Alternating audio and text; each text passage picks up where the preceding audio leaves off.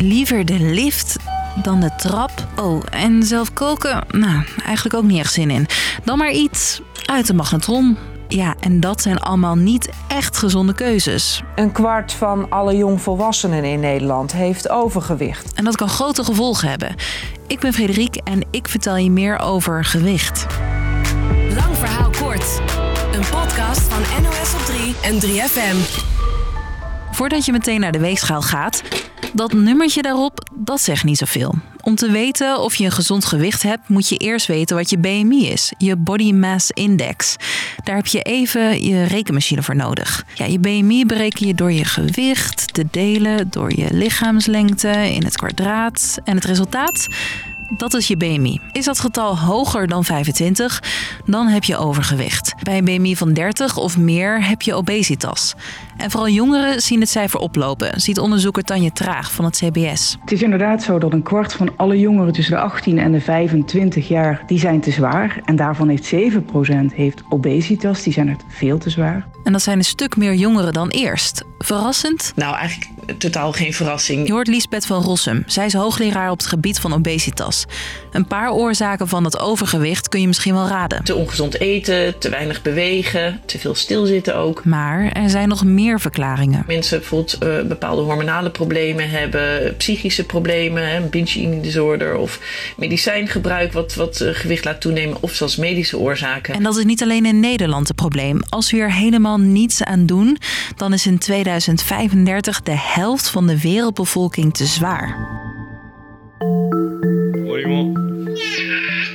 Okay, dan ben je misschien ietsje te zwaar. So what? Het gaat niet zozeer om gewicht, maar hoeveel vet heb je? En met name buikvet. Dat rolletje vet op je buik heeft namelijk een belangrijke functie dan je misschien zou denken. Het is net als bijvoorbeeld je hart en je lever een orgaan.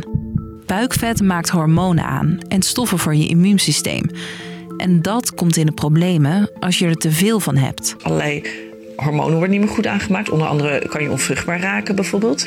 Uh, maar ook je immuunsysteem doet het niet meer goed. En het leidt tot ruim 200 andere ziektes. Op de lange termijn kan te veel buikvet zorgen voor onder meer diabetes, hartproblemen, verschillende soorten kanker en zelfs depressies. Kijken we naar 2040, dan heeft dan als de voorspelling zo doorgaat, hè, zoals het nu voorspeld is, de lijn, um, dan heeft 62% heeft overgewicht. Hoe meer mensen er met overgewicht zijn, hoe meer mensen risico lopen op zulke ziektes.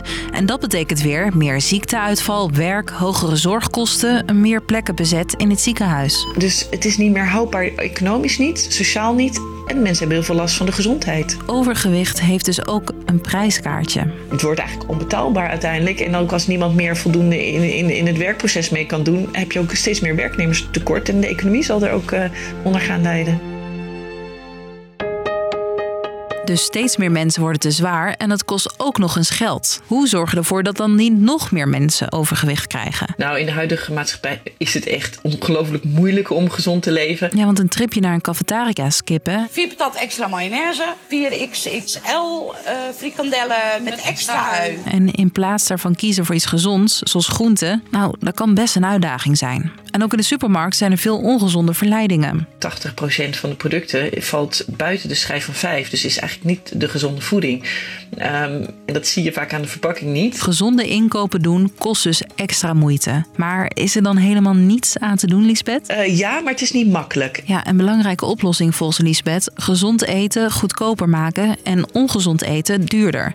Door bijvoorbeeld BTW van groenten en fruit af te halen of een suikertax. Ook de marketing, een verbod op marketing voor ongezonde producten, want net als dat bij roken niet mag. Ook moeten mensen die al te zwaar zijn en obesitas hebben beter worden geholpen. En je hebt vaak nog ondersteunende therapieën nodig. En dat laatste gebeurt onvoldoende.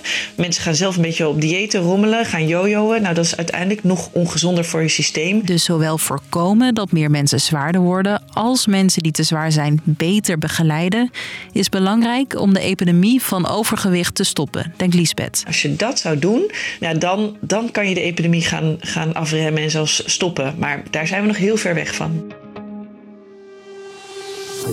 Dus, lang verhaal kort. Het aantal jongeren in ons land met overgewicht is weer gestegen. Naast alle gevolgen voor de gezondheid zorgt dat ook voor extra kosten.